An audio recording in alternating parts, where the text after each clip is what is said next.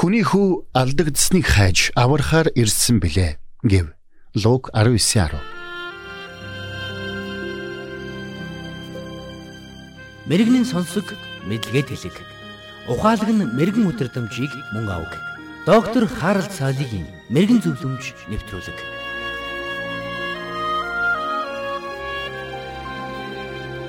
Ингэхэд та ер нь өөрийгөө хэр үнцэнтэй хүн гэж боддог вэ? Та очир эрдэнэ эсвэл бадмааргаар хэмжигдэх үз үнцэнтэй юу? Эсвэл ердөө л будаа төмсөөр хэмжигдэх үнцэнтэй нэгэн гэж өөрийгөө боддог. Өнөөдөр өөрийнхөө үнцнийг ганц сүрлэний тайндаж хүрэхгүй гэж боддог хүмүүс олон бий. Тэд өөрсдийгөө үн цэнэгүй гэж бодоод зогсохгүй. Өөртөө сэтгэл дундуур байдалдаа бүрэн автсан байдаг.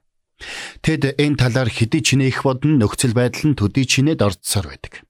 Сануулж хэлэхэд эзэн Есүсийн олон түмэнд зааж байсан сургаал нь тухайн үеийнхний нийтлэг үзэл баримтлалаас тис эсрэг байсан. Эзэн Есүс тухайн үеийн нийгэмд ямар ч үн цэнэгүйд тооцогддог байсан хүмүүсийг үн цэнтэй хэмээн сургаж байсан явдал нь үүнийг батлах хамгийн тод жишээ юм. Нэгэн удаа Есүс энэ чухал үннийг илэрхийлэх гурван өөр түүхийг нэг дор ярьсан байдаг. Сир гаралтай грек хэмч Лук эдгээр түүхүүдийг бидэнд зариулан тэмдэглэн үлдээсэн байна. Энэ гурван түүх гурвуулаа алдагдсан байж байгаад олдсон зүйлсийн тухай. Тодорхойлбол хонь, зоос болоод гэрээ орхин явсан хүүгийн тухай өгүүлдэг. Та эдгээр түүхүүдийг Лук номны 15 дугаар бүлгээс уншиж болно. 100 хонтой нэгэн хүн байжээ. Гэтэл нэг хон нь алга болчихч. 10 зоостой нэгэн эмэгтэй байжээ. Гэтэл нэг зоос нь алга болчихжээ. Хоёр хүүтэй нэгэн эцэг байжээ. Гэтэл нэг хүн гэрээсээ явчихжээ. Есүсийн ярьсан эдгээр түүхүүд дээр гарч байгаа дөрүүд нь бүгд үн цэний хувьд ялгаатай байгааг бид харж байна. Мөнгөн зоос нь нэг хонноос хавгүй илүү үнцэнтэй бол төөрсөн хүүгийн амьдрал мөнгөн зоостой харьцуулшгүй үнцэнтэй юм. Гэхдээ энэ гурван тохиолдолд гурвууланд нь алдсан зүйлээ олох үедээ тэд маш ихээр баярлан хөөрсөн байдаг. Бас энд нэгэн чухал зүйлийг дурдахгүй өнгөрч болохгүй маа. Юу гэвэл тэр гурван хүн гурвуулаа алдагдсан зүйлээ олж авахын тулд өөрт байгаа зүйлсээ орхиод явсан. Хончин хараач надад 99 хон байна шүү дээ. Бага зүйлдээ сэтгэл хангалуун байхад болохгүй шүү гэж хэлж болох байсан. Гэсэн ч тэр 99 хоноо үлдээгээд төөрөн одсон ганц хоноо хайхаар явсан байдаг. Алдсан нэг хоноо олохоос нааш түүний сэтгэл амраагүй юм.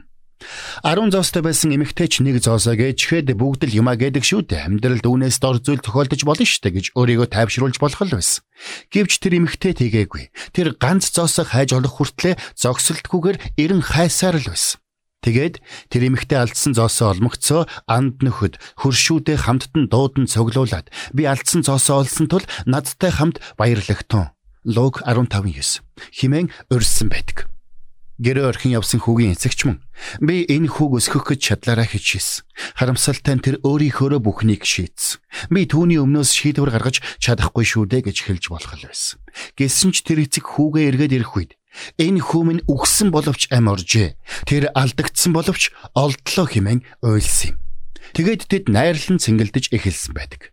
Луг 15:24 Өөрийгөө голж үн цэнэгүй гэж боддог хүмүүсийн хувьд тэд өөрсдийгөө бурхны хайр нэрлийг хүлээж авах зохистой хүмүүс гэж боддоггүй. Гэтэл тэд нэг зүйлийг ойлгодоггүй. Бурхан эцэг тэднийг өөрлөө нь ирээсэ гэж хүсэн хүлээж байдаг.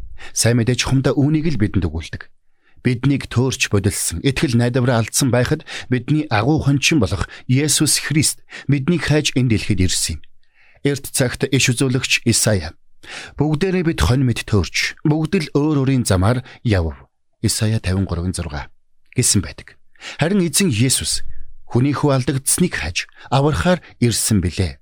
Лук 19:10 химэн айлдсан байдаг. Джон Ньютон нэгэнтээ төөрсөн байсан намайг таавалсан Сохор байсан намайг та эдгээсэн хэмээн шүлгэлсэн байдагчлан Үнэхээр гимнүгэлдээ автан туурсан байсан бидний төлөө Есүс Христ амиа өгч бидний өмнө Бурхны хүүхэд болох үүд хаалгыг нээж өгсөн бэлээ. Хэрвээ та өөрийгөө голж цөхрөлд автсан байгаа бол би таныг Луг номын 15 дугаар бүлэгт бичигдсэн түүхүүдийг олж уншаарай гэж зөвлөх байна. Таны хончин эзэн таныг хайж болохоор энэ дэлхийд ирсэн учраас түүнд итгэсэн мөчөөс эхлээд таны амьдрал бүхлээрээ өөрчлөгдөх болно гэдэгт та бүрэн итгэлтэй байж болно.